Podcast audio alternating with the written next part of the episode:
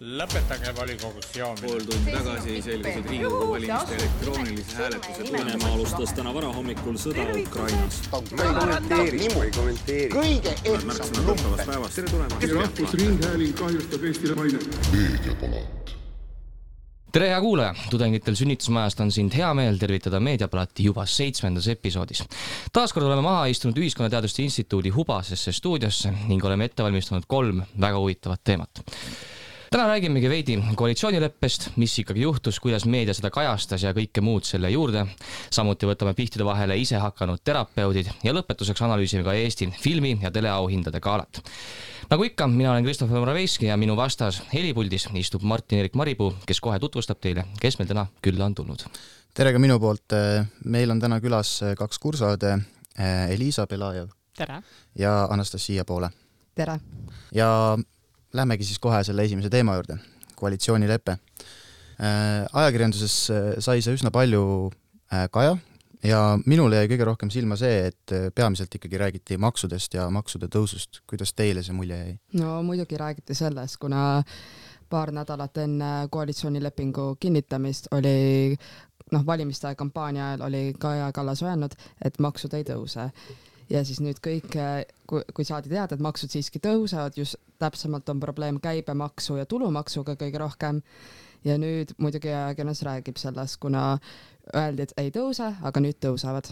no eks see juba näitab ka, et äh, see on nii-öelda ühiskonnas väga palju poleemikat tekitanud, et kui on tehtud saated, no näiteks Maksustuudio, et kui tehakse maksudele pühendatud saade, siis ilmselgelt see on äh, selline, kuidas öelda siis valus koht inimeste jaoks, et äh, nad seda üldse tahavad ja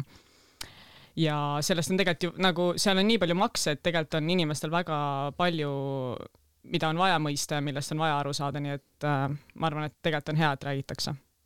kampaania ajal äh, ei öelnud Kaja Kallas ega keegi, et ühesõnaga, et kavatseme makse tõsta, ei tähendab, et me ei kavatse makse tõsta, lihtsalt maksudest ei räägitud et, et küll rääkida sellest, et tuleb tõsta igasuguseid kulutusi asju, aga see, ajakirjanikud pidevalt küsisid, et kust me seda raha võtame. Ja mitte ükski erakond seda ei öelnud, välja arvatud sotsid, kes ütlesid, et nemad tõepoolest kavatsevad neid makse tõsta mm. -hmm. ja see reaktsioon on olnud suhteliselt tuline ja ja minul tekkiski seda nagu lugedes see küsimus, et miks varem ei küsitud seda küsimust. minule isiklikult lugejana ei jäänud enne valimisi silma, et ajakirjandus oleks sellele äh, nagu eelarve katte küsimusele väga palju tähelepanu pööranud. küll aga nüüd peale valimisi kasutatakse ära võimalust, et äh, nagu luua niisugust fooni, nagu nad oleks valetanud. et tegelikult Postimehes ju ilmus juhtkiri ka pealkirjaga Valetajate koalitsioon, et need on nagu päris karmid sõnad äh, ühe ajakirja nagu juhtkirjas no mitte ainult Postimehes, Eesti Päevaleht kaksteist aprill juhtkiri oli, et Kaja Kallas karistus tuleb. et, et tõepoolest, et mul on niisugune mulje jäänud, et ajakirjandus on natuke nagu solvunud. et, et äh, kui äh, valimiskampaania ajal küsiti, kust see raha tuleb, poliitikud ei öelnud, samuti äh, koalitsioonikõneluste ajal tegelikult maksudest ei räägitud, alles pärast koalitsioonilepingu avaldamist tuli see maksuteema ülesse. aga noh, öelge mulle üks erakond, kes tahaks minna valimiskampaanial loosungiga, et me hakkame tõstma makse välja arvatud sotsid välja arvatud sotsid, kes tõesti nii tegid, aga noh, et paraku on see niisugune teema, mille, mille puhul on keeruline kampaaniat teha. ja ma nõustun, sest et äh, noh, esiteks on nagu keeruline kampaaniat teha, aga teiseks äh, minu arust on see, et see, et nagu maksud tõusevad, seda ju noh, kui sa nagu natuke olid, oled kursis ikkagi riigieelarvega ja sellega, mis seisus tegelikult äh, selles mõttes riigieelarve on, sa võisid ju noh eeldada natuke, et ju mõni maks äkki tõuseb, et ja see, et äh, Christopher, sul on õigus, et võib-olla tõesti nagu natuke sihuke, ma ei tea, kas küüniline, aga noh, mitte sellest rääkida, aga noh, kokkuvõttes ikkagi kõik ju, kõik need tõusud ja kõik asjad, mida ikkagi tehakse, see on ju inimeste heaolu nimel, et ega, ega keegi sul ei, keegi ei taha inimestele käru keerata, ma eeldan vähemalt aga oli ka probleem selles, et oleks olnud mingeid muid võimalusi, et just äh, Delfis vist oli avaldatud artikkel koos Indrek Neiveltiga, kes ütles, et nagu ei oleks pidanud äh, tulumaksu ja käibemaksu tõstma, vaid oleks äh, võinud kinnisvaramaksu. et sealt oleks ka mingi rahaallikas olnud riigile. jah, see on ka see, vaata, et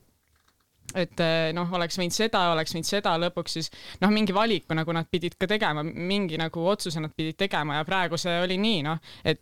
noh, seal, seal ongi selline noh, kaalutluse küsimus, aga ma arvan, et see, mis praegu tehti, noh, nii on lihtsalt. mul ongi jäänud avalikust arutelust nagu see pilt, et, et mingil põhjusel koalitsioon praegu ei oska väga hästi põhjendada mm, -hmm. miks mhm. neid äh, maksu tõstmisi tehakse. ja ongi jäänud niisugune mulje, et Eestis ei osatagi seda maksudebatti nagu korralikult pidada. et kui me võtame näiteks ajakirjanduse, mul on niisugune tunne, et ajakirjandus on astunud natuke sinna opositsiooni kingadesse, et on tugevalt hakatud äh,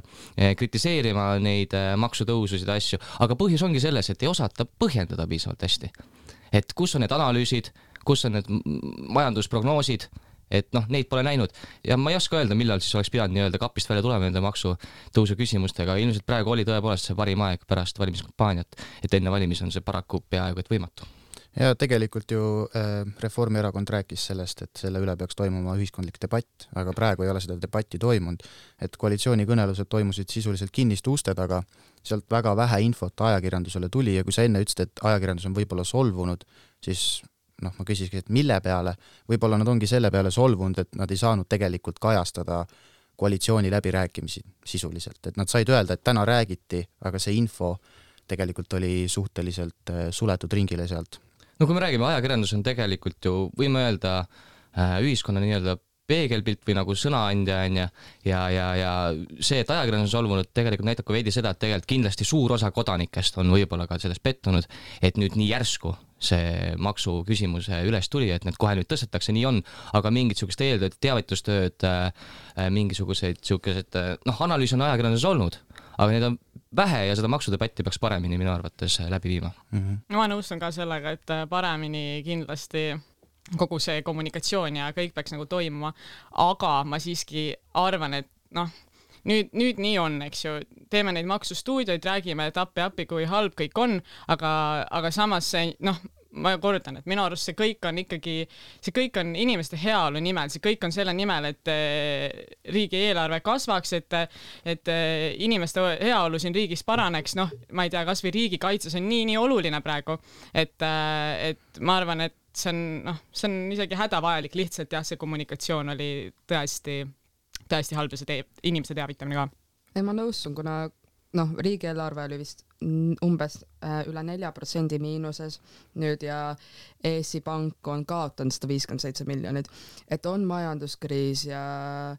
midagi on vaja teha, aga lihtsalt ongi nagu Elisa ütles, et on vaja paremat kommunikatsiooni ühiskonnaga või kasvõi ajakirjandusega.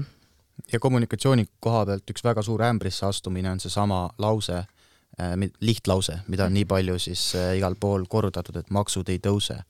et tegelikult, kui me vaatame seda Riigikogu istungi stenogrammi, siis äh, oktoobrist eelmisest aastast, siis tegelikult minule jäi sealt segaseks, et kas räägiti nüüd konkreetselt äh, tolle aja mingisugusest äh, ütlemisest või räägiti üldse tulevikus pikematest plaanidest, et tolle aja kontekst oli tegelikult see, et et mõned ametnikud lihtsalt mängisid ideega, et tõsta makse, aga see ei olnud kuidagi tolle aja valitsuse nagu arutluse all. Nemad, nad ei arutlenud seda maksu tõstmist ja tegelikult äh, nüüd lihtsalt see, see üks lause, kuna Kaja Kallas nii jõuliselt vastas äh, Martin Helmele, kes ka jõuliselt küsis, siis nüüd on lihtsalt see lause natuke nagu kontekstist välja rebitud. et minu meelest selle koha pealt ühest küljest on teinud Reformierakond natuke halba kommunikatsiooni, et seda oleks võib-olla saanud kuidagi pehmendada, seda ütlust aga teisest küljest jälle ajakirjandus on selle väga tugevalt äh, nagu hammaste vahele võtnud ja üks, üks mõte, mis mul veel tekkis, äh, et võib-olla sel hetkel siis eelmise aasta oktoobris lihtsalt katsetati, et kuidas avalikkus ja opositsioon sellele reageerib, sellele ideele. Ja siis äh, keegi ütles lihtsalt need äh, ideed välja, sest tegelikult noh, automaks, mida siis mainiti, nüüd tuleb, on ju, noh, me ei tea tegelikult automaksu kohta veel midagi. tollel hetkel räägiti, et nelikümmend eurot kuus, ma ei tea, kust need numbrid võetud on. Aga et võib-olla lihtsalt tollel ajal katsetati ja saadi aru, et pagan, et enne valimisi pole mõtet selle teemaga välja tulla, et ootame valimised ära ja siis peale valimisi tuleme selle teemaga alles välja. No ja aga see ongi, et no ma ise väga imestasin, et ajakirjandus niimoodi sellest, eh, sellest lausest kinni võttis, sest no see on kontekstis tõepoolest välja rebitud lause ja, ja sellest noh, see, me kõik lugesime seda stenogrammi ilmselt ja, ja seal tegelikult ei ole määratletud mingi, mingi, mitte mingit kindlat ajaperioodi, et millest seal nagu räägitakse, et mm, -hmm. et, et kui ta oleks, Kaja Kallas oleks öelnud, et jaa, et maksud ei tõuse ka pärast valimisi, siis tõepoolest oleks probleem, aga seda ta ei öelnud. ja ajakirjandus mingipärast võttis sellest tugevalt kinni, nagu me teame, see Delfi tegi seda reklaami isegi seal, et meie huultelt võib lugeda, mis see oli, onju et, et, et, et mind tõesti, ma tõesti imestasin, et ajakirjandus niimoodi sellest, sellest sõnasabast seal kinni võttis. Ja ma nõustun, eriti see, ja mis, mis sa ütlesid ka, et Delfi, et äh, meid ei pea lugema huultelt, et noh, esiteks, mis läks reklaamiseadusega vastuollu ja ja see oli üldse, no ma ei tea, ma ütleks ikkagi ebaeetiline, sest see oli kontekstist välja võetud lause, see ju tegelikult noh, sa ei saanud tegelikult tuua nagu mingit otsest nagu narratiivi sellele, sest et seal äh, ta ei rääkinud tegelikult ju mitte mingist kindlast äh, perioodist, mitte mingist kindlast ajast, nagu Martin ka ütles. nii et äh, see, et niimoodi ajakirjanduses seda kajastati ja üks meediamaja niimoodi tegi, see on, see on väga huvitav. aga ma samas ei imesta, et kuna oma sõnadega muidugi peab äh, nagu ettevaatlik olema, eriti kui sa oled Eesti peaminister, et noh, muidugi see oli ebaõiglane ja ebaeetiline, et tehti niimoodi, aga ma ei imesta väga, et muidugi, kui sa ütled nagu, kui sa, ma tean, seda võeti kontek-, kontekstist välja, aga kui sa järsku nagu ütled välja, et aa, maksud tõusevad siiski, siis muidugi minnakse tagasi minevikku ja vaadatakse kõik ka, mis valitsuse, mis valimiskampaania ajal olid ja kõik no eks see ongi minu arust, no vahet ei ole, mis see Kaja Kallas teeb, ega ta vastu päid jalgu saab niikuinii yeah., et, et noh, selles mõttes see oli, see oli ju kindel, et kui ta võidab, kui ta kaotab, vahet ei ole, niikuinii Kaja Kallas on halb, kogu aeg Kaja Kallas tema on kõiges süüdi, eks ju, see on ju kogu aeg nagu selles mõttes nagu eh, igalt poolt läbi käinud, et jah, selles mõttes, et nagu sa ütlesid, imestada, imestada ei ole tõesti midagi, et nii tehakse. ja huvitav on see, et opositsioon oli tegelikult väga vaikne ka selle noh, koalitsiooni äh, kõneluste ajal ja ka hiljem ja alles nüüd peale seda, kui meedia on selle vahu üles keeranud, alles nüüd on nagu kuidagi opositsioon endal nagu jalad alla saanud. et meedia sillutas nagu opositsiooni narratiivile teed praeguses olukorras, vähemalt mul on niisugune mulje jäänud. no täpselt, nagu ma ütlesin, et ta on nagu natuke sinna opositsiooni kingadesse astunud. jaa, aga no ega tegelikult opositsioonil nagu enne koalitsioonilepingu allkirjastamist on ka keeruline seal äh, mingeid äh, nii-öelda kriitilisi asju välja öelda, et, et äh, nüüd oligi suurepärane hetk, kui on leping allkirjastatud, nüüd on aeg, anna tuld, on ju. et, et, et opositsioon tegelikult, mulle on jäänud mulje, et nüüd tulevad väga põnevad, väga põnev periood, sellepärast et meil on üpriski tugev koalitsioon, tegelikult noh, väga tugev koalitsioon ja üpriski tugev opositsioon, et nüüd siin tuleb kõvaks sõnaduseks läheb kindlasti ja no koalitsiooni seal lepingus on ka kirjas see, et, et võetakse eesmärgiks Riigikogu üldise poliitilise töökultuuri parandamise. hädasti oleks vaja seda, aga mul on niisugune tunne, et sinna ilmselt väga ei jõuta, sest et meil tõesti on tugev vastasseis nüüd seal eh, Riigikogus. no ma arvan ka seda, et, et seal hakkab ja selles mõttes noh, sa ei saa öelda nalja saama, aga noh, võib-olla natuke ikka hakkab ka, et kui noh, kõik tegelikult, mis seal peale peale valimisi on juhtunud kasvõi see Slava Ukraini asjad, et need, need ju kõik hakatakse mingis hetkes üles tooma, kas istungitel või kuskil mujal, ma ei tea, opositsioonist keegi hakkab sõna võtma. et äh, seda on, see tuleb jah, ajakirjanikuna tuleb äh, huvitav jälgimine, ma ütleks. aga mul on palju ka lootust selle koalitsiooniga et ma usun. no eks kõigil on yeah., nad ju valiti selles mõttes nagu suurelt, et äh, noh, ja kasvõi Eesti kakssada, okei okay,, valimistesse vist praegu ei lähe, nii et ja ma mõtlesin selle peale lihtsalt praegu, et ilmselt on tulemas suuremat sorti Riigikogu Tiktoki sõda, et äh, tegelikult väga pikalt EKRE on näiteks kasutanud Tiktoki ja üldse seda lühivideote formaati enda äh, promomiseks ja see on tegelikult väga hea formaat äh, sellisel juhul, kui su stiil ongi see, et sa tümitad oma kolleege, sa saad selle lühikese klipi panna sotsiaalmeediasse ülesse ja see levib väga kiiresti, inimesed kommenteerivad ja like ivad ja jagavad, onju. ja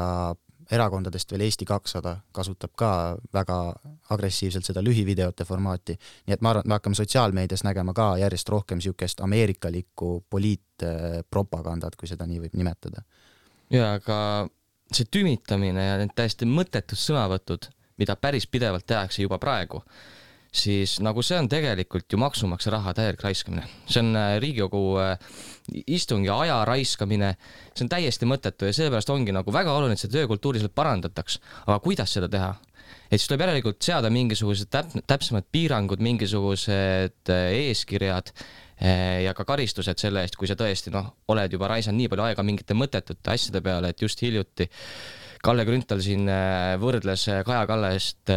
Jossef Staliniga, et noh, et täiesti no pointless, et miks, miks on vaja niisugust asja teha, et võiks nagu olla sisulised arutelud Riigikogus ja, ja, ja võiks selle nagu nii-öelda, nii-öelda lolli mängimise võiks nagu kõrvale jätta. ja no võiks ikkagi jah, keskenduda, et kuidas siis ikkagi riik paremaks teha ja et sellised, seal on hästi palju noh, kasvõi nagu see, mis Martin ütles, see Tiktoki sõda, eks ju, see on ju tegelikult enne valimisi samamoodi olnud kogu aeg tegelikult noh, mingil hetkel rohkem, mingil hetkel vähem.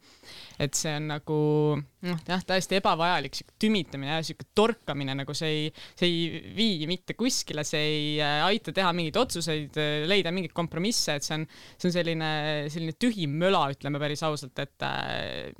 arvestades seda, et mis palka need äh, Riigikogu liikmed ja seal noh, need inimesed saavad, et äh,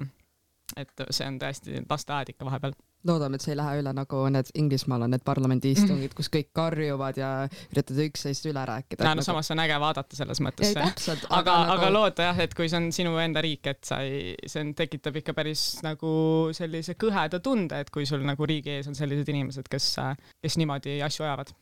ma leidsin tegelikult äh, koalitsioonilepingust ühe äh, huvitava punkti, see on siis punkt üks, punkt kaks, punkt kuus.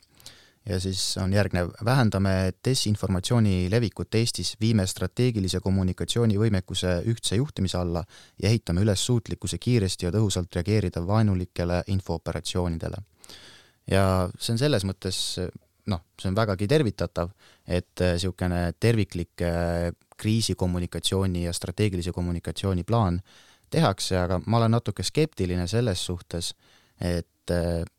ma ei ole näinud nagu Eestis väga head äh, kriisi- või strateegilist kommunikatsiooni. et äh, kui, kuna ma jälgin palju neid Ukraina igasuguseid kanaleid, mis räägivad Ukraina sõjast, siis minu meelest ukrainlased on sellega väga hästi hakkama saanud just sotsiaalmeedias, et nad suudavad selle kuidagi tuua tavalise tarbijani aga et noh, või noh, Eestis ei ole meil ka sellist, sellisel tasemel kriisi või sõda olnud, et võib-olla see tuleb alles siis välja. ma lihtsalt hakkasin mõtlema selle koha pealt, et minu meelest Eesti põhiline probleem ongi see, et meil puudub tegelikult kõnetoru välismaaga. et äh, meil tegelikult ei ole väljaannet, mis suudaks Eestis toimuvat edastada välismaailmale, kas või meie oma liitlastele äh, selliselt nagu neile söödaval viisil et väga palju on juhtunud seda, kus mingisugust Eesti teemat kajastatakse ja siis äh, näiteks mingi Briti ajakirjanik äh, kogemata võtab hoopis äh, näiteks Sputniku artikli või noh, Sputnik on halb näide, see on nüüd nii tuntud, aga põhimõtteliselt mingisuguse Vene väljaande artikli, et minu meelest ERR oleks see organisatsioon, mis peaks seda rolli täitma, aga minu meelest nad praegu seda ei täida või kuidas teie seda näete? no ma nõustun täielikult, nagu need ERR-i artiklid, mis on inglise keeles, neid on liiga vähe mm. -hmm et ma saan ka enda näitel rääkida, et nagu sa ei saa piisavalt informatsiooni, aga ongi, peavad rohkem võimendama ja peavad rohkem ingliskeelseid kirjutajaid leidma tegelikult mm. -hmm ja ma arvan, et äh, üks asi on see ingliskeelsed kirjutajad, aga teine, mis sa ütlesid ka Martin, et äh, kui sa rääkisid sellest Ukraina näitest, et ongi, meil ei ole tegelikult olnud äh, nüüd nii-öelda lähiajaloos, ütleme viimastel viimased, ma ei tea, paarkümmend aastat selles mõttes mingit suurt, suurt sellist nagu äh, reaalset kriisi, noh nagu on sõda, eks ole, et eh, võib-olla see siis tuleb välja, samas kui sellel ei ole mingit nagu nii-öelda eeltööd, siis noh, kus need ingliskeelsed kirjutajad tulevad, kus see kõik see kajastus tuleb, kes seda teeb, kus teeb, millal teeb, et see, see on jah, tegelikult selline küsimus, et millega, millega nagu võiks tegeleda ja ilmselt võiks see olla ERR potentsiaalselt, olles siis nagu esi, esirinnas riigimeedias. no me tegelikult väljaspool Eestit ju oleme väga hästi praegu nähtavad, see on just Ukraina sõja kontekstis, et et äh, siin Kaja Kallas on olnud erinevate suurte äh, ajakirjandusväljaannete esikaanel, äh, on olnud aasta poliitik, aasta inimene, et ja ERR-il on samuti ingliskeelne veeb olemas, mis nagu siis ühesõnaga annab infot ka välisriikidele, et praegu no võib-olla pole lihtsalt väli, välisajakirjandusele meie kohta palju seda kõneainet, et välja arvatud ongi see Ukraina sõda ja Eesti seos sellega ja, ja Kaja Kallas tegelikult on minu arvates nagu Äh, Eesti nii-öelda märkimise maailmakaardile või nagu selle äh, tähelepanu siia suunamisega väga hästi hakkama saanud. et, et välismaal on meist küll juttu olnud ja ma ei leiaks, et see nüüd väga suur probleem oleks, et me, et me välismaal nähtavad ei ole, et tegelikult mulle on jäänud just see mulje, et me oleme nähtavad praegu küll, aga see on ikkagi, see kogu see nähtavus on ehitatud ühe isiku ümber, aga me peame arvestama sellega, et üks hetk Kaja Kallas ei ole enam peaminister, mis siis edasi saab. et see terviklik plaan peaks ikkagi olemas olema, lihtsalt äh, mind häirib see, et ERR ei ole tegelikult kättesaadav platvormidel, mida tarbib auditoorium. et me võime rääkida küll ingliskeelsete tekstide kirjutamisest, aga tegelikult on vaja ka videopilti ja heli, sest et inimesed tarbivad ka seda. ja kui me vaatame statistikat, siis äh, väga palju uudiseid tarbitakse sotsiaalmeediast, näiteks Youtube'ist, kus ERR-i esindatus on äh, uudiste näol null ja Eesti statistika, see on küll siseriiklik statistika, aga pole põhjust arvata, et see välismaal kuidagi teistmoodi oleks. see on siis inimarengu aruanne kaks tuhat üheksateist, kaks tuhat kakskümmend, et seitsekümmend kaheksa protsenti kolmeteist kuni seitsmeteistaastastest tarbib uudiseid Youtube'i kaudu. see on väga suur protsent ja praegu ERR jätab selle auditooriumi sisuliselt kõnetamata. aga nagu kas te näete ka ERR-i kasutamas näiteks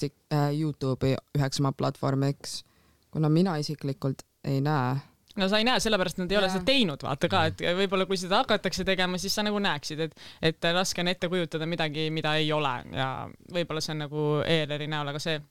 et videopilt, et noh, võib-olla ERR ei pea, eks ole, tiktokeriteks hakkama, aga noh, mingisugune selline jah, selline nii-öelda välismaine või niimoodi, mis oleks välismailasele auditooriumile suunatud, et äh, jah, võiks olla, see on täitsa nagu mõttekoht, et äh, et äh, meil on nii selline noh, tegelikult maailmas valitseb ülemaailmselt, mitte eks ole, ainult äh, Ukrainas ikkagi kriisiolukord, et äh, ja selline noh, pinge kogu aeg üleval, et et selle peale tegelikult peaks mõtlema, sest et noh, sa ei tea tegelikult, mis homne päev toob, et et see on, see on tõesti hea, see on selline mõttekoht. jah ja. ma arvan, et siis liigume järgmise teema juurde edasi. meediapalat terane äh, Meediapalati kuulaja mäletab, et äh, teises episoodis puudutasime pisut terapeut Laura Valku, kes rääkis, et talle ei meeldi mänguritest mehed. tänaseks aga on erinevad mm, isehakanud terapeudid, kui neid nii võib nimetada, jõudnud ka laiemalt äh, meediapilti, nendest tehakse telesaateid, kirjutatakse persoonilugusid, neid kustutatakse podcast ides ja nii edasi. ehk võiks öelda, et tekkinud on uus kontingent staare, kes teenivad leiba inimeste psühholoogilise aitamisega enne kui selle meediakajastuse juurde lähme, siis mis te üldse nendest isehakanud terapeutidest arvate? no ütleme nii, et eh, miks on, miks on nii palju isehakanud terapeute, noh kui keegi teist, kui on käinud kas psühhiaatri või psühholoogi juures, siis aegu ei ole. järjekorrad võivad ulatuda, ma ei tea, isegi üle poole aasta, et, eh, et see on lihtsalt, nõudlus on nii suur ja neil on lihtsalt nüüd tulnud võimalus nii-öelda särada ja kuna ka Eesti inimarengu aruandest kaks tuhat kakskümmend kolm selgus, et tegelikult ikkagi depressiooni on väga palju äh, nii nooremate kui vanemate inimeste seas, siis lihtsalt, äh, lihtsalt inimesed vajavad lisa. Kui ma ei saa, kui ma ei saa äh, aega endale psühholoogi juurde, saan aja poole aasta pärast, noh, ma ei tea, mis poole, mul on vaja kohe seda, mul on vaja varem seda ja sellest ka, sellest ka need saated, aga ma annan teile ka sõna siis, kui me enne nendest saatetest hakkame rääkima ei pluss lisaks sellele on see, et äh, iga teine inimene saab nimetada end terapeudiks, kuna ei ole mingit seadust sätestatud, et sa ei või, et ongi, kui sa, oli vist psühholoog ja psühhiaater. ja, ja no mingit... psühhoterapeut ka sa ja. ei või öelda enda kohta, aga terapeut ma võin ka olla terapeut. ja täpselt see, mis enne mainiti, et, et see nagu nišš on turul täiesti vaba, sellega ma olen nõus, aga teisest küljest ma mõtlesin, et äkki see on ka okei, saadete näol see on meelelahutus, aga ka kui ma lihtsalt tarbiksin seda teenust, äkki see on lihtsalt mingi niisugune nagu ma ei, ma ei taha isegi mingit professionaalset nõu, aga võib-olla ma lihtsalt tahan, et äh, mingit toetust või nagu lihtsalt tunda ennast hästi või et aa, et ma saan temaga rääkida nendest pehmetest teemadest, nagu võib-olla see on see, mida inimesed selle terapeudi juurest otsivad, et võib-olla ei olegi alati vaja minna professionaali juurde, võib-olla see ongi lihtsalt mingi inimene, kes räägib suga mis, mis sa mõtled? Äh, ma mõtlen see terapeudi nagu see, mida nad teevad, äh, need isehakanud nii-öelda terapeudid, et võib-olla nad täidavad mingit lünka, mida mitte keegi teine ei täidagi. no aga see, et nagu kellegagi rääkida või niimoodi, ega seda sa saad ju sama hästi psühholoogi juures teha. jaa, aga siis sa lihtsalt võib-olla, kui sa tahad lihtsalt rääkida, siis sul võtad... peab selleks päris palju raha olema, et kui ja. sa tahad lihtsalt minna rääkima terapeudiga. siis mine räägi sõbraga, ütlen mina, aga noh see on juba oma, oma teema nagu. et loomulikult sinna satub erinevaid inimesi erinevate eesmärkide, probleemidega, aga noh, olgem ausad, et, et need isehakanud terapeudid, nüüd on popiks saanud see mingid konstellatsioonid, et ma uurisin, on niisugune asi nagu konstellatsioonide ja teadliku arengu instituut, kus õpitakse konstellatsiooni. konstellatsiooni õppemaht on viissada kakskümmend kuus tundi psühholoogi bakalaureuse psühholoogi siis õppemaht on sada kaheksakümmend EAP-d ehk neli tuhat kuussada kaheksakümmend tundi. nüüd see vahe on niivõrd mastaapne ja, ja, ja nendel konsultatsiooniterapeutidel pole nagu seda tervikpilti inimese psühholoogiast. tegemist, no paraku ei ole ekspertidega ja sinna nendele sessioonidele satub, lähevadki inimesed, kellel on päriselt probleemid kui nüüd äh, see konstellaator või ma ei tea, kuidas neid nimetatakse, kui tema hakkab seal nagu mingisugust abi andma, ilma et ta teaks, kuidas nagu päriselt äh, psühholoogiline abi käib, mis on teaduslikult tõestatud, et see võib tekitada väga suuri probleeme ja ma arvan, et siin on nagu oluline teavitustöö, et äh, tõepoolest meil on psühholooge vähe, need jär-, ravijärjekorrad on pikad, aga tuleb ka nagu seda teavitustööd teha, et, et päris nagu kõikidelt ärge minge abi küsima. Aga kindlasti on, noh, ma pole küll kõige pädevam inimene sellest muidugi rääkimast, ega ma tervikpilti sellest konsultatsioonist või terapeutidest ei tea, aga mulle on jäänud niisugune mulje küll, et tegelikult seal, seal päris korralikult seda, seda abi ei anta. ma seda veel tahtsin öelda, see, et sa ütlesid, et äh, bakalaureus on, äh, eks ju, peab magistriga olema. jah, sa ei, ilma bakalaureusega sa ei saa ju teha psühholoogi tööd isegi, sa pead kirjutama magistritöö, sa pead tegema magistriõppe, et tegelikult noh, ma ei tea, palju neid tunde siis kokku tuleb, eks ole, et see on tegelikult nagu nii märkimisväärne vahe. ja noh, üks asi on see, et ta läbib selle konstellatsiooni, ma ei tea, õppekool, kuidas seda nimetatakse, ma ei tea, aga teine asi on see, et noh, ma ei pea seda läbima, et anda inimestele nii-öelda professionaalset teenust. -hmm. et see on nagu, see on ka see koht, aga mis ma veel tahtsin öelda millest ma kogu aeg räägin, et äh, no siin on hästi palju äh, nii-öelda professionaalid äh,, näiteks Ott Oja, vaimse tervise ekspert, eks ju, võttis ka sõna ja ütles, et noh, see tegelikult on ikkagi tema arvates ikkagi ühiskondlikult kahjulik, aga samas nagu teisest küljest, jaa, ma saan sellest osast aru, aga teisest küljest ma näen ka seda niimoodi, et inimesed ju saavad teha eeltööd, kuhu nad lähevad mis terapeudi juurde nad lähevad, keda nad kuulavad ja keda nad jälgivad ja keda nad usaldavad. noh, näiteks Ants Rootslane, tal ei ole haridust, ta on seda avalikult öelnud eh,, inimesed teavad seda ja igalühel ta on tegelikult ju noh, vaba valik, kuhu ta oma raha paneb, kelle juurde ta läheb see on selline jah, kahe otsaga asi, et kas nii-öelda inimesi natukene petatakse või aetakse kärbseid pähe, teiselt poolt nad ütlevad ju ausalt välja ja lihtsalt eh, inimesed nagu teevadki selle valiku, et minnagi nii-öelda hüpnotisööri juurde, et tegelikult ju noh, keegi ei võta käest kinni ja ütleb, nüüd sa lähed rootslase juurde, tegelikult ju ei ole niimoodi, ta esitleb ennast õigete nii-öelda terminitega, mis on seadusega sätestatud ja selles mõttes sellest, noh, teisest poolest nii-öelda teda kaitstes või nii, või üldse neid terapeute, et tegelikult iga, igalühel on õigus valida. jah, inimestel oma valik, et, et, et kuhu nad lähevad ja mis nad teevad, eks ju. aga kas teil ei ole jäänud niisugune mulje, et, et näiteks võtame näiteks Ants Rootlase või selle Laura Valgu, et, et tegemist on lihtsalt avaliku elu tegelastega ehk staaridega, et kelle performance ongi see terapeudiks olemine, nad pidevalt meedias seda ka näitavad ja et ehk nagu vahet pole, et kas inimene päriselt ka abi saab, et peaasi, et vaatajaid ja jälgijaid oleks ja minu arust on ka seal lihtsalt meelelahutussaade, et võib-olla osa, me ei tea ju, mis nende inimeste taustalood on tegelikult, võib-olla nad lähevadki niisama sinna ja tahavadki kuulsust saada, aga nagu ma ei ütle ka, et nagu nad päriselt ka üritavad abi saada.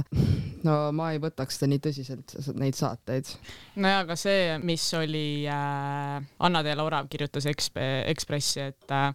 et oligi siis, no igal juhul üks saade oli see, kus äh, oli sellest läbipõlemisest ja depressioonist ja põhimõtteliselt oligi, Ants võttis, äh, võttis ta käe kõrvale, ütles, et noh, põhimõtteliselt viis ta sinna trauma juurde, nagu ta tegelikult ju enamuste oma nii-öelda ma ei tea, patsient saab öelda nende klientide kohta siis noh, kes seal saates on olnud, võtab käe kõrvale viib ta mingisse traumasse, eks ju. ja voilà, üks saade tehtud, vau, mis asja ja ongi, ongi depressioon nagu, ongi läinud, kuidas täitsa imeline muutumine, eks ju. et seal artiklis ka kirjutati, et äh, see solvab tegelikult läbipõlenud inimesi ja kurvastab spetsialiste, et, äh, et iga inimene tegelikult, kes on tegelenud nagu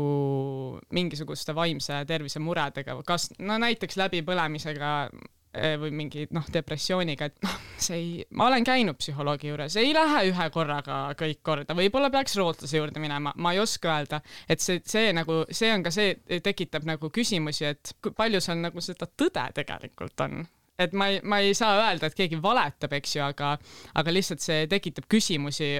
olles nagu ise tegelenud, eh, nagu käinud teraapias, et ma ei tea, tahaks ka ühe korraga kõikidest oma muredest lahti saada ja pärast olla uus inimene, et et see, see on nagu see küsimuse koht minu jaoks. no täpselt, see teebki ju teise olukorra veel halvemaks, nagu sa ütlesid, et nagu äkki sa hakkad tundma end halvasti ja ma olen ühe korra käinud teraapias, ma, ma ikka ei tunne end paremini, mis ma nüüd teen. et minu arust see saade ei jäta kõige paremat muljet, aga samas nagu eksperdid ütlesid ka, et nad ei tea, kas see ongi reaalses elus ainult kaks tundi, vaat aga nagu see tek-, see ongi nagu uuritud ja see on võimatu ravida kedagi läbipõlemises kahe tunniga. ja, ja eriti veel saates, eks ju, kui sul filmivad, ma ei tea, kolm-neli suurt kaamerat, et no muidugi saate, saatega on ka see, vaata, et mõelge, kui te lähete nüüd sinna rootslase saatesse, sügav depressioon ja siis saate lõpuks teil on ikka see depressioon alles, noh, nii nii saated ju ei tööta, eks ole. et siis, siis sellel saatel ei oleks siis ju nagu mingisugust nagu pointi, sellel nagu puuduks nagu mingisugune mõte. et, et noh, ma ei tea, kuidas neil, kuidas seal teles neil need selles saates nii-öelda lepingud kirjastatud on, et kas nad, nad peavad no,, kas nad peavad nii-öelda saama terveks või ei pea või kuidas see nagu käib. et sama nagu selle Valalisi kaunitariga oli, et oligi, et noh, kas seal lepingus siis oli kirjas, et nad pidid eh, nii-öelda eh, kihluma või ei pidanud, vaata, et seda me tegelikult ju ei tea, et seda avalikkuses nagu ei ole, eriti selliste nii-öelda teraapiasaadetega, et äh, seal, seal lihtsalt seda nagu kogu teemat ümbritseb minu arust nii palju sellist nagu mingi sihuke nagu mingi udu on kogu aeg selle ümber, mida sa ei tea, sa ei tea, kas see on tõsi, sa ei tea, kes ta on, mis ta teeb. et see on, see on sihuke, noh, see on niisugune kahtlane teema tegelikult. no sellega peabki sul endal olema vaata mingi kriitiline mõtlemine ja analüüsimine, et ei tasu kõike uskuda mm, -hmm. mis on välja pandud, aga samas mis teha, et kas kanal vastutab ise, et nad panevad selliseid saateid välja või kas inimene vastutab ise, vaataja vastutab ise, et mida ta vaatab? no see on sama nagu noh, nende maksudega, nagu ma enne ütlesin, et noh, kui sa natuke mõtlesid, siis võis eeldada, et need maksud tõesti tõusevad, sama on nagu selle nagu saatega, et vaata kriitiliselt asja, mõtle natuke, et mida noh, see ei ole päris kärbeste pähe ajamine, aga noh, mõtle tegelikult nagu mida sul räägitakse ja palju sellest on nagu reaalne, et kui mina vaatan, vaatasin nagu oma ema, kes on psühholoog, küsisin, noh, kas, kas nii käib, eks ju, ta ütles, et no ei käi. Ja iga inimene tegelikult, kes on äh, nii-öelda kriitiline vaataja, saab aru, et see ei käi nii, see on saade, see on telesaade, sama nagu see see Karel äh, seda Laura Valku kajastas, et, et noh, sa pead olema kriitiline asjade suhtes, mida sa vaatad. Ja see on jah, see on nii, see on, see on nii nagu sihuke kahe otsaga asi, et oled kriitiline või siis see on nagu selline nii-öelda kellegi mahategemine, jah, ma ei tea. nagu kanal ise ei saa eeldada, kõik saavad aru nüüd, et see tegelikult on kasvõi skriptitud või eh, inimesed ei saanudki terveks või mis iganes. aga noh, samas vaata, kanal peab ka kuskilt oma nii-öelda elatise jah. teenima, et eh, kas selle saatega ei oska öelda, aga no ometi sellise valiku nad on teinud. ei, nagu sa ütlesid, see on täpselt kahe otsaga asi, oleneb, kust perspektiivist sa vaatad. no siin on see vastutuse küsimus tegelikult, et kellele me vastutuse paneme, kas on suuname vastutuse vaatajatele, kes peavad ise kriitiliselt mõtlema ja aru saama sellest, et või, või vastutuse peaks äh, suunama hoopis kanalile. mina arvan, tegelikult see vastutus peaks olema kanalile, meil on probleeme praegu ühiskonnas vaimse tervisega, mida näitas Eesti inimarengu aruanne, Eesti rahvastiku vaimse tervise uuring, et ja nüüd on meediakanal, olgu selleks ajaleht, raadiokanal, telekanal, avaõiguslik erakanal, mis iganes, et nad peavad tegema selle kaalutluse, et mis eesmärgil midagi eetrisse lasta ja missugust mõju need teemad ühiskonnas tekitavad. nüüd TV3 puhul ma mõistan seda eesmärki, eesmärk on ju, tegemist on meelelahutusega. et, et kus inimesed saavad nii-öelda kaasa tunda teistele inimestele, räägivad, need külalised seal Ants Rootsas räägivad oma loo ja see on meelelahutus, kuid see oluline kaalutluskoht on jäänud natuke ähmaseks. aga samas need saated on toonud ju ühiskonda selle diskussiooni nende, nende terapeutide suhtes ja see on ka samas üks oluline, oluline asi, mis, mis tekkinud on nende saadetega see on niisugune metatasandi mõju, et metatasandi mõju, jah. pika, pikas plaanis võib olla see, et need saated praegu nii populaarsed on, viib selleni, et meil tuleb mingisugune seadusandluse muudatus või mingisugune täpsustus juriidiliselt, et need asjad kuidagi tehakse selgemaks, sest noh, kui me vaatame sõna terapeut, siis terapeut ikkagi inimese jaoks, tavalise inimese jaoks ilmselt tähendab kedagi, kes on mingil niisugusel alal ekspert, et see, nad kasutavad lihtsalt ära seda nii-öelda sõna tähendust, mida nad tegelikult võivad teha praegu mm. -hmm, ma tahtsin selle saate kohta veel öelda, mis sa, Christopher, ütlesid, et noh, et see on nagu selline, et inimesed jah, nad tunnevad ära, aga minu arust see, see äratundmis nagu nii-öelda, noh, kuidas öelda, sa ei saa öelda rõõm, aga selline nagu samastumise äh, mm. nagu faktor on ju tegelikult ainult alguses sa samastud, et sul on probleem, saate lõpuks sa mõtled, no et nüüd temal on kadunud, aga minul ikka ei ole, vaata, et, et see ainult see nagu alguspool on see, kus sa nagu tunned selle, tunned ennast kuidagi nagu ära ja lõpus on see imeline tervenemine ja siis see ikka nii-öelda see, nii-öelda see halb tunne tuleb tagasi, et jah, see on täielik, noh, kommertssaade muidugi, et see oli noh, see on tähelepanu. ja aga ega see inimene ei vaata seda saadet sellepärast, ise ju abi saada, et pigem vaadataksegi meelelahutuse pärast. et, et, et ma ei usu, et nüüd kellelgi on, ongi vaimse tervise probleemidest, ta mõtleb, et okei okay,, ma vaatan Ants Rootsuse saadet, et äkki läheb paremaks. no vot, ei tea. no mõned võib-olla tõesti on, aga ma arvan, suurem osa on ikkagi see, kes vaatab seda meelelahutuse poole pealt. ja siin nagu on kanalil see vastutus, et nad peavad neid teemasid väga korralikult käsitlema. Õnneks on ju TV3-s on ka see Karelli laserisaade, et seal, seal on äh, nagu selles mõttes on paigas, et äh, ta käis seal mingi konstel-, konstellaator, ma ei tea, kuidas neid nimetatakse, ühesõnaga käis nende juures ja siis, aga tema ju kaasas ka psühholooge,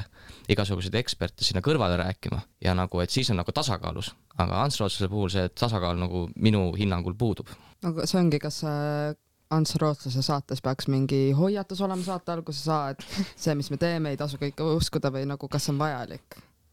võiks lihtsalt öelda, et tegu yeah. on meelelahutusega jah, sest see ju noh, võivad öelda küll, et see on selline vaimset tervist nii-öelda, see toob valgust, aga tegelikult on see ju meelelahutus, tegelikult mm -hmm. see on ainult eh, nii-öelda noh, ma ei tea, kuidas öelda, vaatajate püüdmine, et, eh, et ma ei tea, palju seal neid vaatajaid on, aga ma arvan, et ma arvan, et ikka on, sest et see vaimse tervise teema on nii äh, nii-öelda populaarne, vaimse tervise mured on populaarsed, eks ole, ühiskonnas ja neist räägitakse palju et äh, ilmselt seda saadet ka vaadatakse palju ja ma ei tea, jah, lõpuks, mis, kas see teeb kahju või siis äh, jah, nagu sa ütlesid, metatasand, et lõpuks viib see tegelikult suurema märkamise, suurema abistamiseni. et äh, eks seda näitab aeg või kuidas öeldaksegi. jah, ma arvan, et, et, et siin lõpetuseks võib öelda, et ühesõnaga vaatajad peaksid olema kriitilised, kriitilise pilguga kõike jälgima ja, ja, ja et ärge päris kõike ka nüüd uskuge, mida, mida kuskil telekanalites või ajakirjanduses räägitakse meediapalat. kahe saate vahel on toimunud veel selline suur sündmus nagu EFTA ehk Eesti filmi- ja teleauhindade gala. auhinnad jagati välja siis kokku kolmekümne ühes kategoorias ning äh, otseülekanne väisas äh, vältas äh, kokku üle kolme tunni. kuna nominentide seas on rohkelt värvikaid kujusid, siis on ette tulnud nii draamat kui komöödiat. küsingi siis teie käest, et millised olid teie tähelepanekud sellest meeleolukast õhtust? Ma arvan, kõik panid tähele seda Niine Vetsa väga humoorikat nalja. see, see oli ka selline no mulle Niina Mets meeldib, ma tean, ta väga paljudele ei meeldi, aga mulle ta meeldib ja mina naersin ja kogu saal ka rõkkas ja ma ei tea, kuidas teie, aga mina nagu ei tajunud seda mingisuguse kiusamise või sellisena, et Niina Mets on ju tuntud sihuke naljanina, et, et sellist nagu, sellist nalja võis ju tegelikult tema poolt nagu oodata, et see, see tuleb, et äh, ma ei tea, minu arust mina, mina ei näinud seda kiusamisena, aga ma saan aru, et miks seda võib eh, kiusamisena näha, nagu eh, see Katrin Lusti ise ka pärast ütles, et noh, et siis nüüd me siis näeme, et kus need, eh, miks siis lapsi umbes kooli, koolis kiusatakse. noh, palun vabandust, aga mina tõesti sellest ma sain aru, kuhu ta triivis, eks ju, aga mina ei näinud üldse seda nii ja eks saalis ka, saal rõkkas nii, et tundub, et nemad ka mitte ja ma nõustun, et Niine Mets on, tas on ju galadel mingi väike meelelahutus ja mingid paar nalja. ja ta naljad ja, ju ongi sellised, tal ongi sellised naljad. ja see ongi ja Lust äh, reageeris üle ja, ja siis pärast ütles ka, et, et kui nüüd mõelda, kui mul on valida, kas kutsed äh, peole või üle saja tuhande televaataja, kes on minuga nädalast nädalasse, siis ma valin igal juhul viimase.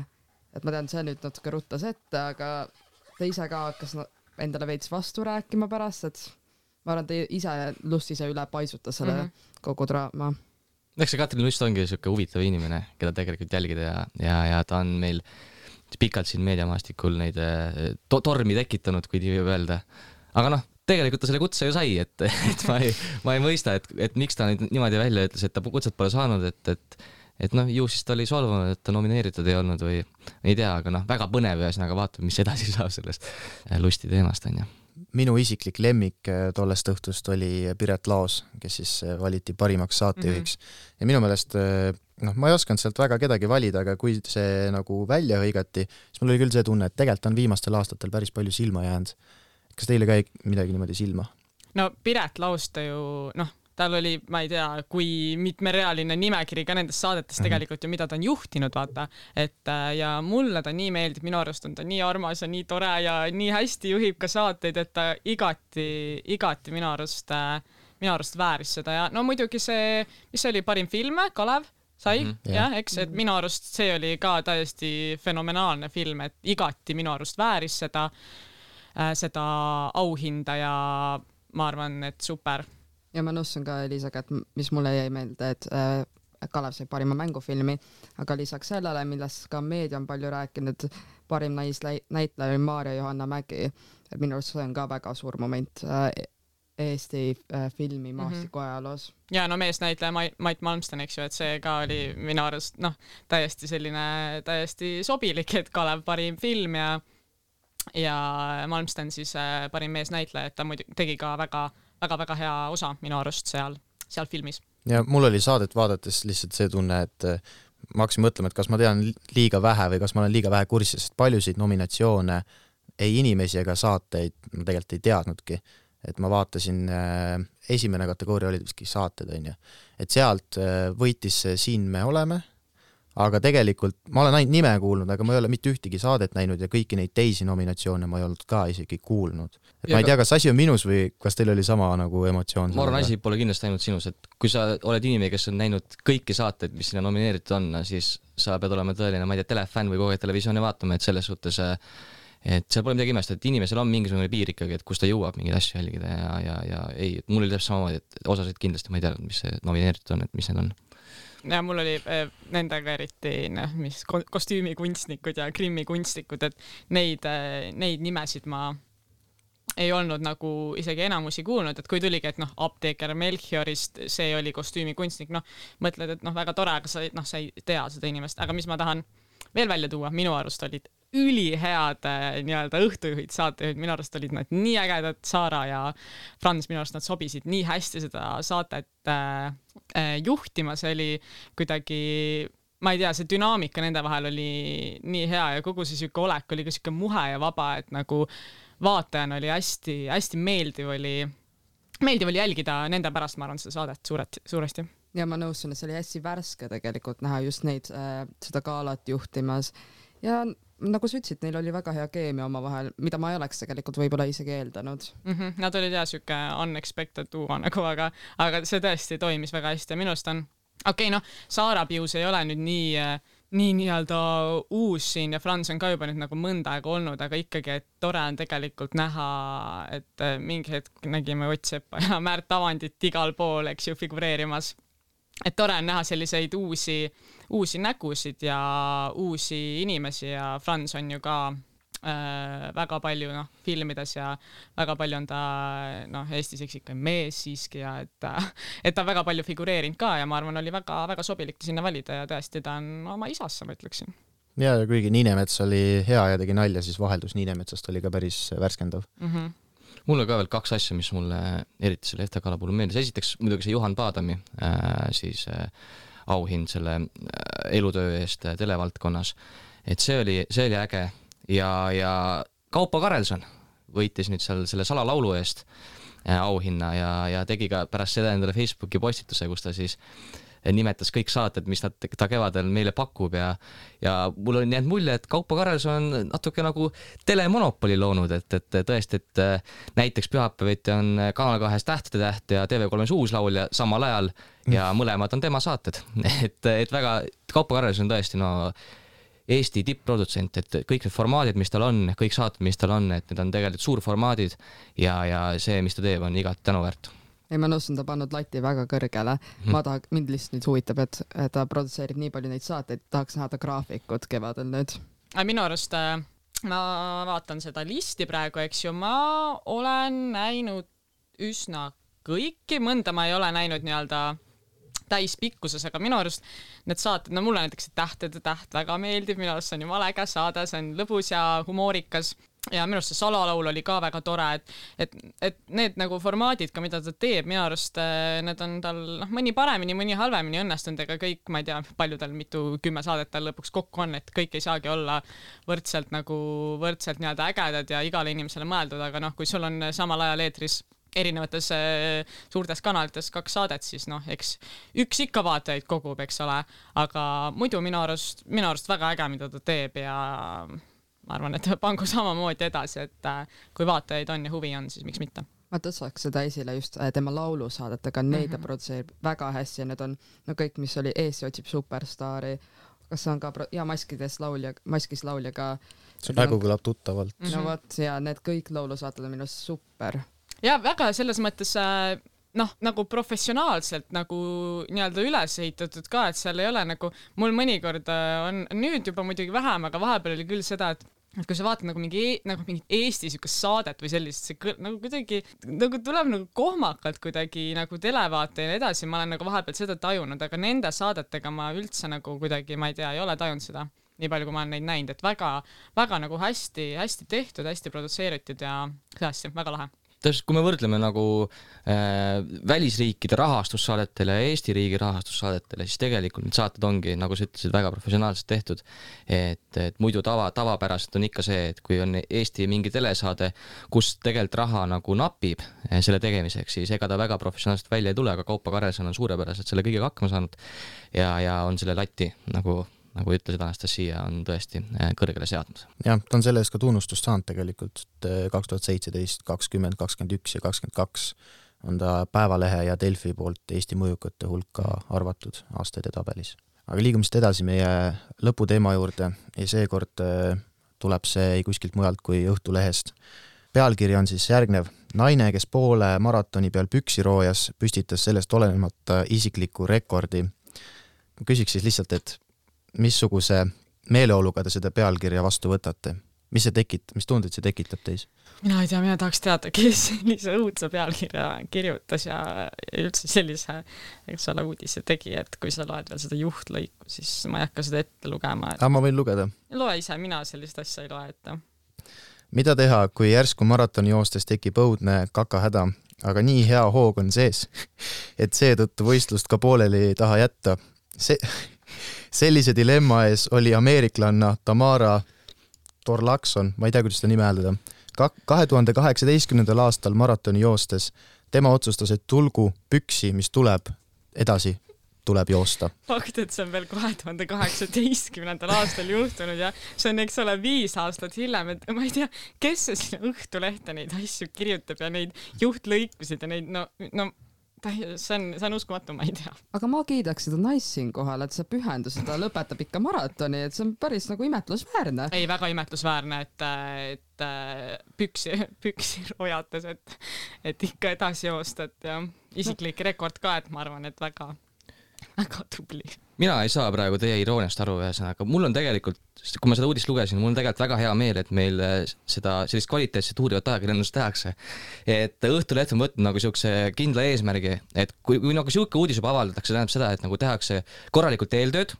ajakirjanik on otsinud üles need olulised pidepunktid, kust seda uudist üles ehitada ja mul jäänud siuke mulje, et, et Õhtuleht on nagu väga tublit tööd teinud ja täpselt, meil on rohkem vaja Eestis niisugust kvaliteetset uurivat ajakirjandust, et Katrin Lust tehku, mis tahab, aga noh, kui me nüüd siin seda Õhtulehte nagu loeme ja näeme, et noh, kui eelmisel nädalal räägiti siin kakavatest ja kiimas kajakatest ja nüüd kakavast äh, maratonijooksjast onju, et siis.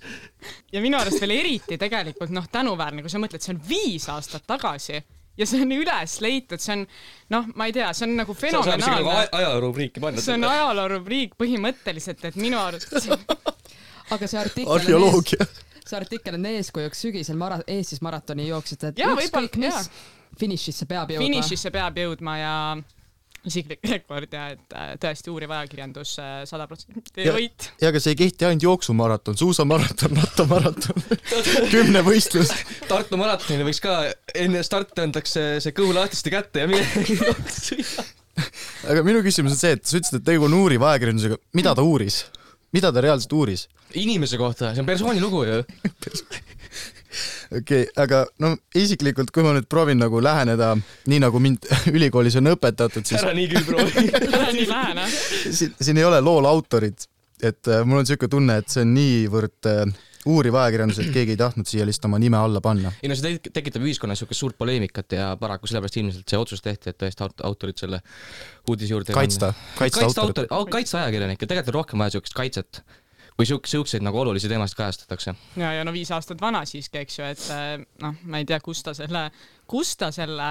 meil see uuriv ajakirjanik selle välja What? kaevas. see teema on viis aastat peidus olnud, seda on mingi pärast varjatud ja nüüd tuleks huvitav, mille, mille pärast? tegelikult peaks uurima seda, mille see pärast. see on nüüd, see on jätkuuudis, tegemist on jätkuuudisega, tegelikult nüüd tuleb välja uurida, miks seda uudist varjati inimeste eest. viis aastat, tegelikult uskumatu, seda varjati viis aastat, aga nüüd vaata, ma arvan, et äh,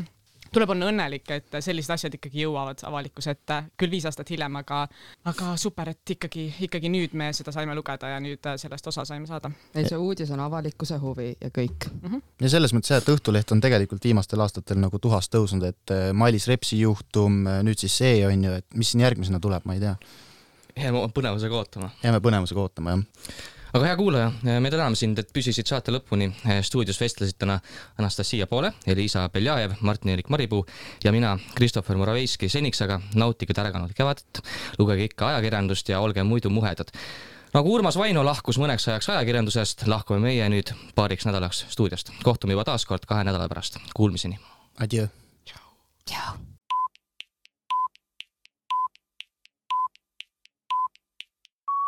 Lõpetage volikogus joomine. pool tundi tagasi selgusid Riigikogu valimiste elektroonilise hääletuse Venemaa alustas täna varahommikul sõda Ukrainas. ma ei kommenteeri, ma ei kommenteeri. kõige ehtsam number. tere tulemast. rahvusringhääling kahjustab Eestile mainet. meediapalat